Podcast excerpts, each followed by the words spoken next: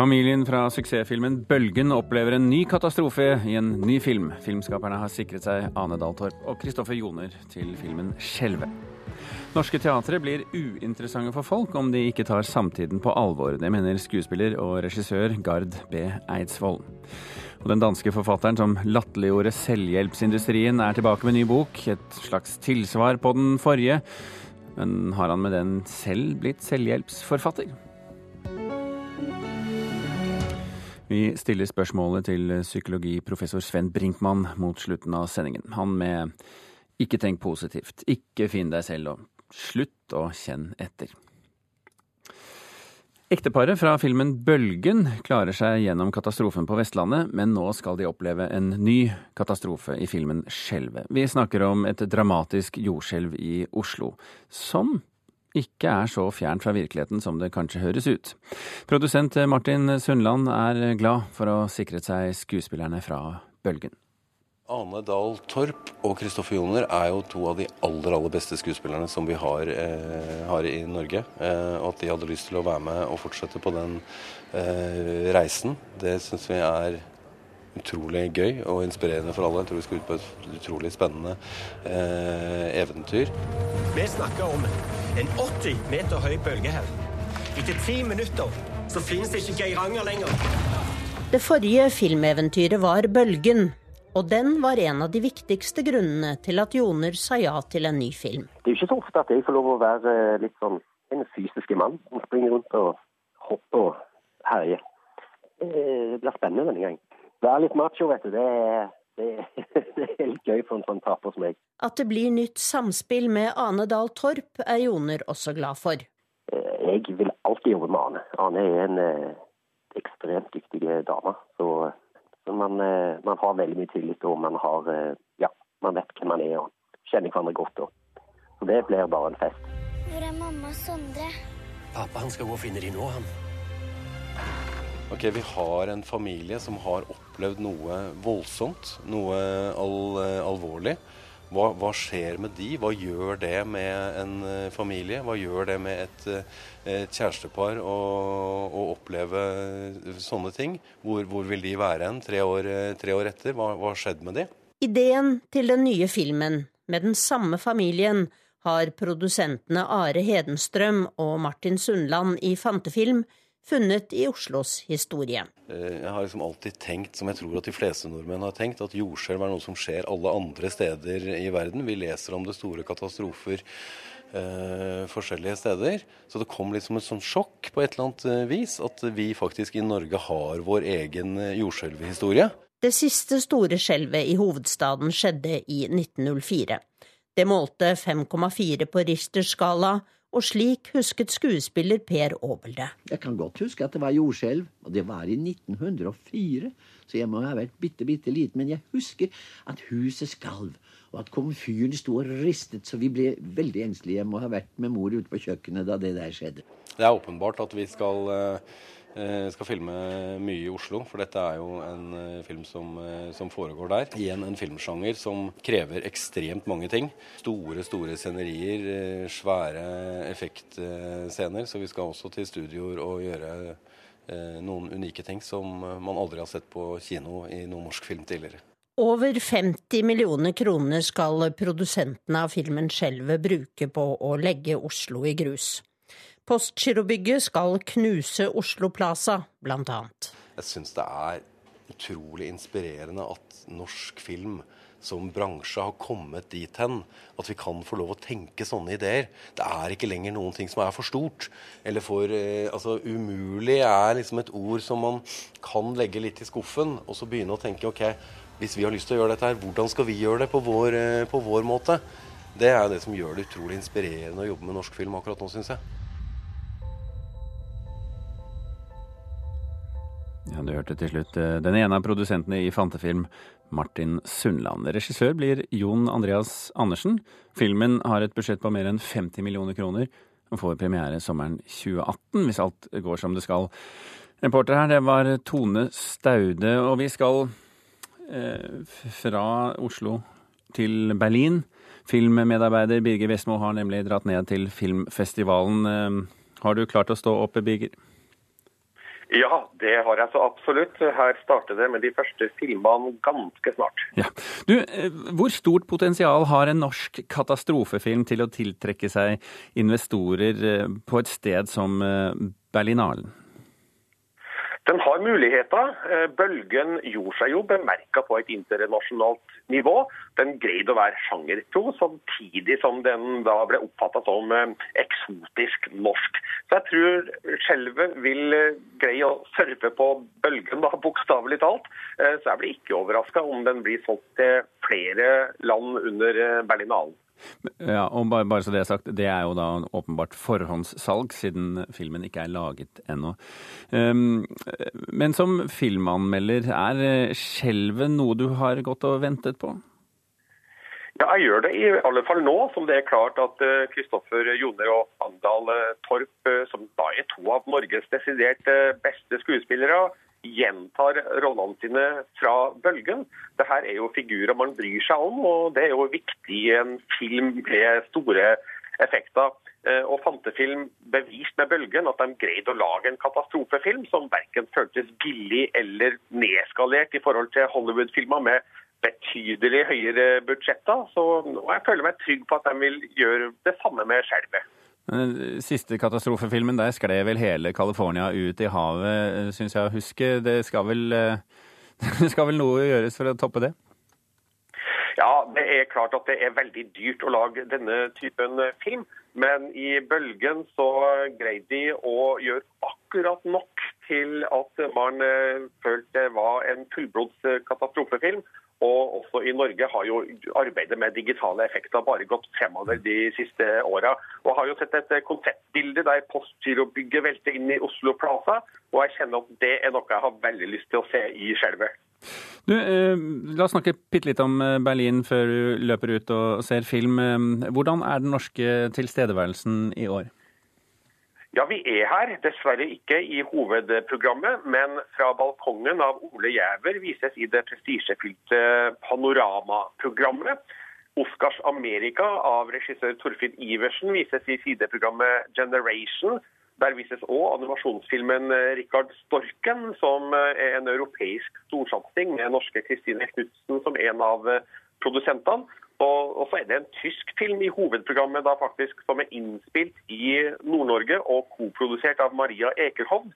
Den heter 'Helle nekte', altså 'Lyse netter'. Så litt norsk er det da likevel i hovedprogrammet her på Berlinalen. Eh, rent bortsett fra å se masse film, eh, Birger Vestmo, hva er det du gleder deg mest til i Berlin i år? Rent bortsett fra film, så må det jo være det sosiale aspektet da, ved festivalen. For det er klart at man kan ikke bare se film hele dagen. Man må komme sammen mot slutten av kvelden og diskutere det man har sett. Og det er jo også en viktig del av enhver filmfestival. Birger Vestmo, vi takker for uh, følget så langt. Uh, så kan jeg bare fortelle videre at før Birger dro til Berlin, så fikk han uh, satt sammen en filmanmeldelse som vi skal høre litt senere i dag. Det er filmen 'Moonlight', nominert til åtte Oscar.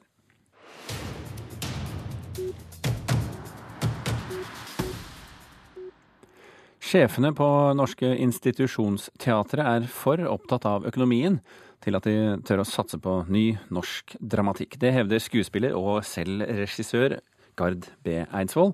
I dag er han klar med urpremieren på det nyskrevne stykket 'Fire forsøk på å gjøre en forskjell' på Teater Innlandet på Hamar. Men han er altså redd for at teatrene blir uinteressante for folk, dersom de ikke tar samtiden på alvor. Det står en mann der ute med et barn på armen! Det står en jente uten noen voksne! Har du en Fire nordmenn i et hus en stad i et urolig afrikansk land. Planen er å slippe dem inn, og så finner vi på resten underveis. Idealisme og kynisme kolliderer, og tre bistandsarbeidere og en turist blir utfordra når ei utrygg vær trenger seg på. Ingenting aner du om hvordan det egentlig er der ute. Hva med om du står og Hvis du har den dialogen helt her nede, bare for å prøve en gang. Regissør Gard B. Eidsvoll har samarbeidet tett med dramatiker Mikkel Bugge om det nyutvikla kammerspillet. Det er et stykke som uh, tar opp mye vonde tematikker knytta til det å ikke bare jobbe med bistand, men å være i, i uh, bistandssektoren.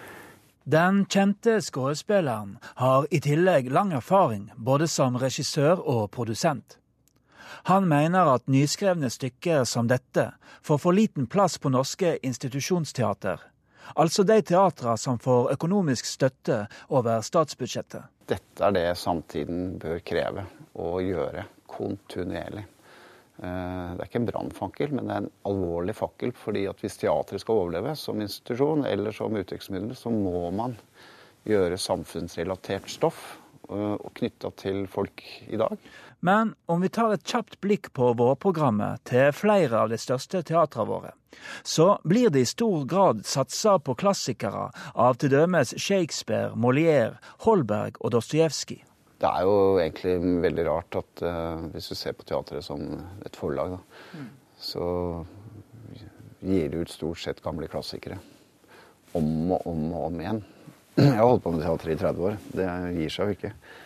Foreløpige tall innrapportert til Dramatikerforbundet viser at bare 13 av de 42 nyskrevne stykker som i fjor fant veien til en norsk scene, ble oppført på et institusjonsteater. Eidsvoll mener at teatra er for redde for båndlinja til å satse på det helt nye og ukjente stykker.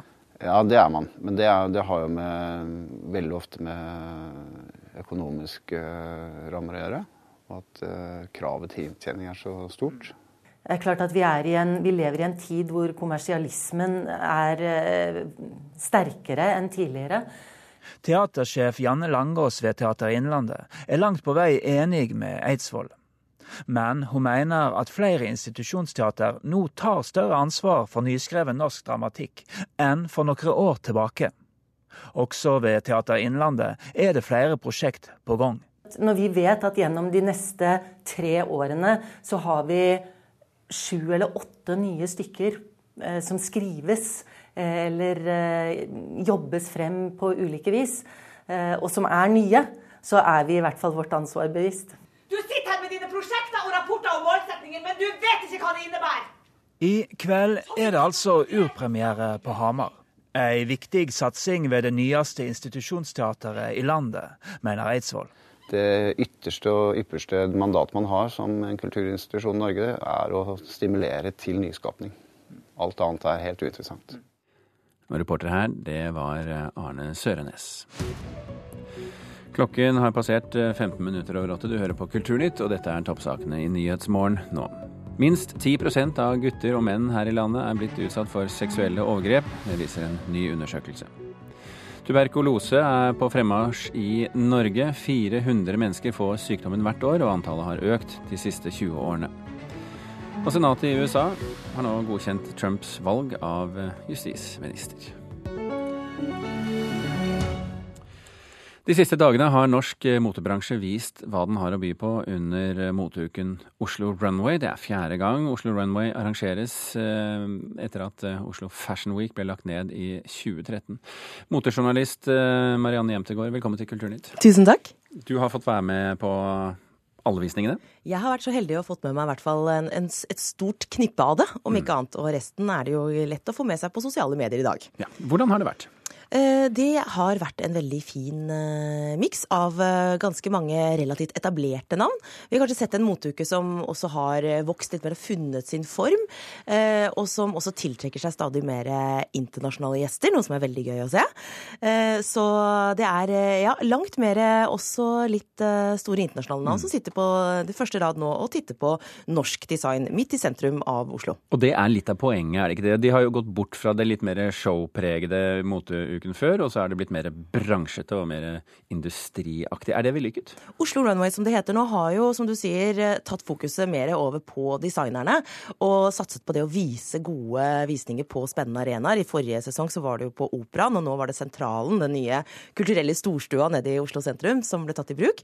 Eh, og det gjør jo både at man øker kredibiliteten til eh, de deltakerne, hvor det blir litt mindre fokus kanskje på sponsorfest og kjendiser på første rad, Eh, og i tillegg til at man også ja, tiltrekker seg rett og slett litt mer eh, presse, som jo er det som mye av dette her også handler om for eh, de som, eh, de som velger å vise fram på motuken.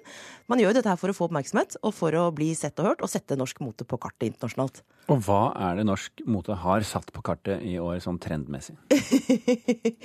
Eh, vi har Skandinavisk mote er jo veldig ren. Ganske mye minimalistiske, tydelige linjer.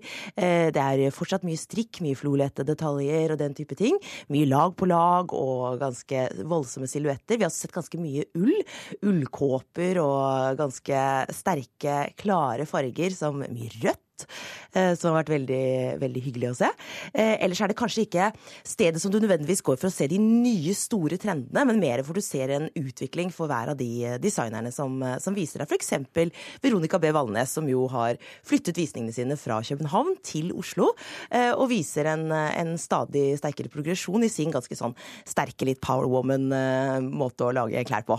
Men når du sier voldsomme silhuetter, hva snakker vi om da? Da er det ganske overdimensjonerte skuldre, kanskje. Det er eh, bukser som flagrer når du går. Det er eh, kanskje skjorte på skjorte på en eh, ekstra stor oversized jakke i tillegg.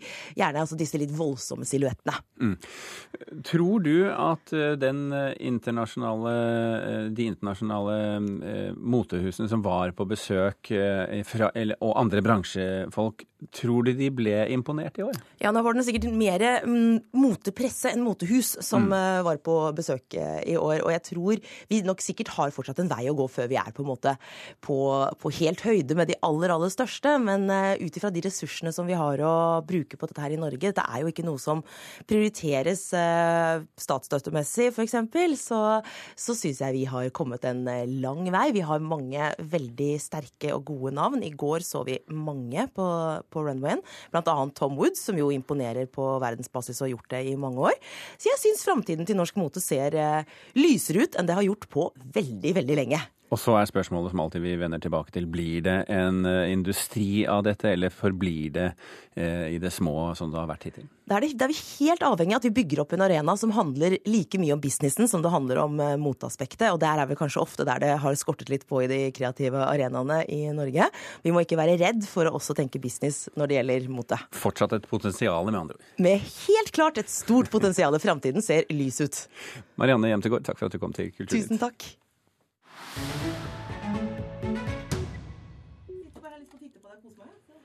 Den amerikanske filmen eh, 'Moonlight' er eh, nominert til hele åtte Oscar-priser, bl.a. som eh, beste film og regi. I morgen har den norgespremiere, og NRKs filmkritiker Birger Vestmo sier at dette er en vakker og engasjerende film om en guds utfordringer under oppveksten i Miami. Saw your mom last night. I hate her. Mm. Yeah, I bet you do. Den Oscar-nominerte filmen 'Moonlight' er et stillfarent og bevegende drama med sterke figurskildringer. Regissør og manusforfatter Barry Jenkins styrer ikke helt klar av oppvekstklisjeene, men viser en filmatisk teft som gir historien dypere lag, og gjør figurene tredimensjonale og troverdige. Moonlight skildrer en vanskeligstilt guds utfordringer uten unødig melodrama, og er en vakker film som engasjerer. What's a faggot? A faggot is a word used to make gay people feel bad. Am I a faggot? No. Historien er delt inn i tre kapitler. I det første ser vi hvordan den unge gutten Chiron, med kallenavnet Little, spilt av Alex R. Hibbert, tas hånd om av Juan, spilt av Mahershala Ali, og kjæresten Teresa, spilt av Janelle Monet, hver gang den narkoavhengige mora Paula, spilt av Naomi Harris, er ute av stand til det.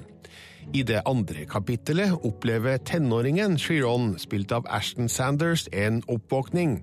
I det tredje kapittelet ser vi hvordan den voksne Chiron, nå med kallenavnet Black og spilt av Chavant Rhodes, får et uventa vink fra fortida, og hvordan han reagerer på det. Til sammen gir det her et interessant tverrsnitt av Chirons liv som ubemidla afroamerikaner i et av Miamis tøffere strøk. What happened, Chiron?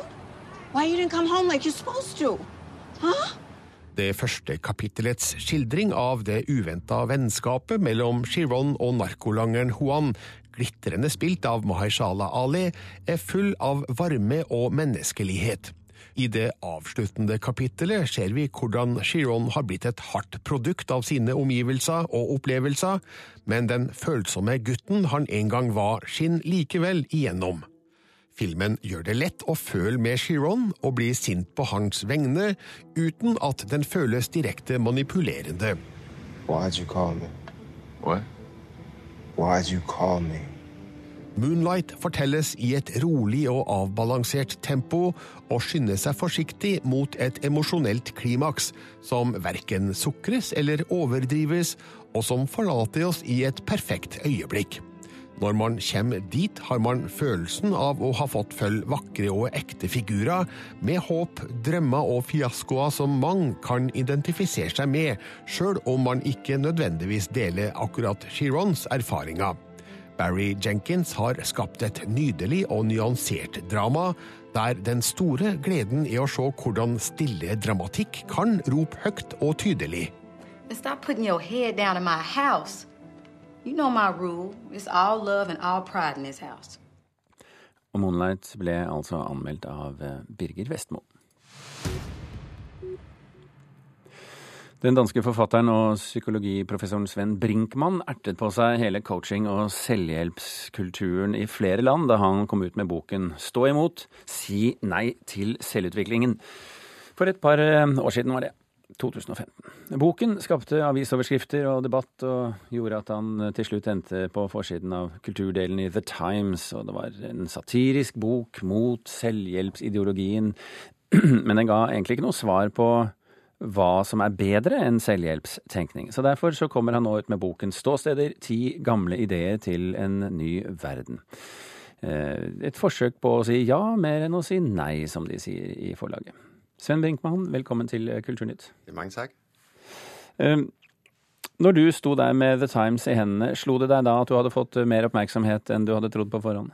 Ja, meget mer. Eh, hverken jeg eller øh, mitt forlag øh, trodde at de her bøger ville slå så bredt igjennom. Det er virkelig overraskende. Nu, den første der, Står imot, som den heter på norsk, Står fast på dansk, eh, det var for meg et uh, lille kuriosum. Altså en parodi på en selvhjelpsbog i et forsøk på å formulere en uh, kulturkritikk. En kritikk av denne her utviklingstvang og tvangen til konstant å være i bevegelse og optimere seg selv. Og at det på den måten skulle slå så bredt an, det, det, må jeg si, det har vært meget overraskende. Og, jeg syns jo det er meget positivt. Men, men, før vi går løs på denne boken, mm. Brinkmann, og hvis du kan du komme litt nærmere mikrofonen, ja. er du snill, så får vi bedre lyd på det. Um, kan du kort forklare hva er det som er galt med selvhjelp og selvutvikling? Altså, Jeg oppfatter ikke selvhjelpslitteraturen og hele selvhjelpsbransjen som øh, problemet her.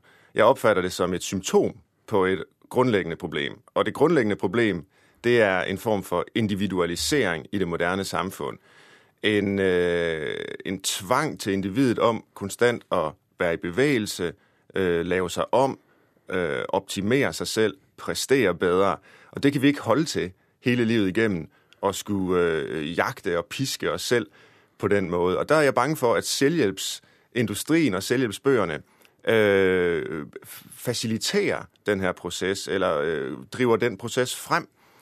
Øh, gjør det verre, rett og slett? Gjør det verre, selv om den jo egentlig gjerne vil hjelpe øh, individet. Men hvis det der er øh, individets problem, øh, hvis det skyldes en individualisering, jamen så forstærker selvhjelpstilgangen jo bare den individualisering ved å mm. si til personen jamen du kan bli en suksess, du kan bli rig, du kan bli lykkelig, du kan bli sunn, du kan bli alt mulig hvis du bare følger de her syv trinn, hvis du bare gjør sånn og sånn og sånn. Og det mener jeg langt denne ad veien er en illusjon som øh, kan man si, måske gjør individet enda mer ulykkelig, fordi det så alltid er personens egen skyld når, når vedkommende feiler. Du øh, ville altså komme med et alternativ til selvhjelps, øh, selvhjelpsindustrien kommer nå med ti eksistensielle ståsteder for vår tid. Ja. Hva er forskjellen? Ja, altså Selvhjelpsprosjektet, selvutviklingsprosjektet, det handler jo om å bli noen. Det handler om å bli suksessrik og lykkelig osv. Mitt prosjekt, det eksistensielle prosjekt, det er i langt høyere grad et etisk prosjekt. Der kan man si helt kort, det handler om å være noe for noen. Øh, det handler om å forstå de forpliktende relasjoner øh, vi har i vores liv. relasjoner til andre mennesker, der betyder noe for oss, og vi betyder noe for dem. Og ta det alvorligt.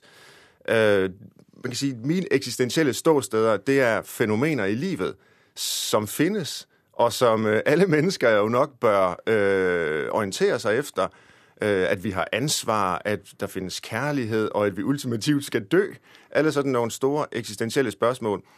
Øh, det er jo ikke nogen, vi skal interessere os for, for at få noget ud af det. Og det er også en forskel til selvhjælpsbølgen. Øh, der spørger man altid, what's in it for me? Hvordan kan jeg opnå et eller andet? Men med mit projekt, der er målet ikke at opnå noget.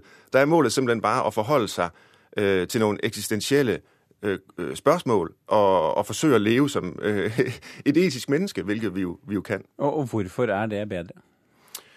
Øh, jamen det er bedre, fordi det er, kan man sige, i højere grad i overensstemmelse med vores mulighed for at være øh, gode, øh, etiske mennesker. Det kan man selvfølgelig sige, jamen det er vi ligeglade med. Øh, jeg vil hellere være et øh, egoistisk væsen, jeg vil være narcissist. Jeg vil, ja, måske. Men jeg tror, prisen øh, vil være rigtig høj, øh, dels fordi, at det så ikke gør os lykkelige. Mm. Det er jo en af mine pointer fra den forrige bog. Altså, det er i virkeligheden blevet en tvang. Mm øh, som, som, øh, som vi er underkastet, og ikke noe der er lykkeligt. Har du med andre ord skrevet selv en selvhjelpsbok? Jeg har skrevet ja, på, på sin vis, men den hjelper oss ikke til å bli øh, lykkelige eller noe. Men den hjelper oss måske til å bli bedre mennesker. Så det er i sin en klassisk forstand en oppbyggelig bog. Sven Brinkmann, takk for at du kom til Kulturnytt. Øh, vi er nødt til å runde av sendingen i denne omgang. Thomas Alvarstein Ove var produsent i dag. Birger Kolsrud Aasund satt i studio. Ha det bra så lenge. Hør flere podkaster på nrk.no podkast.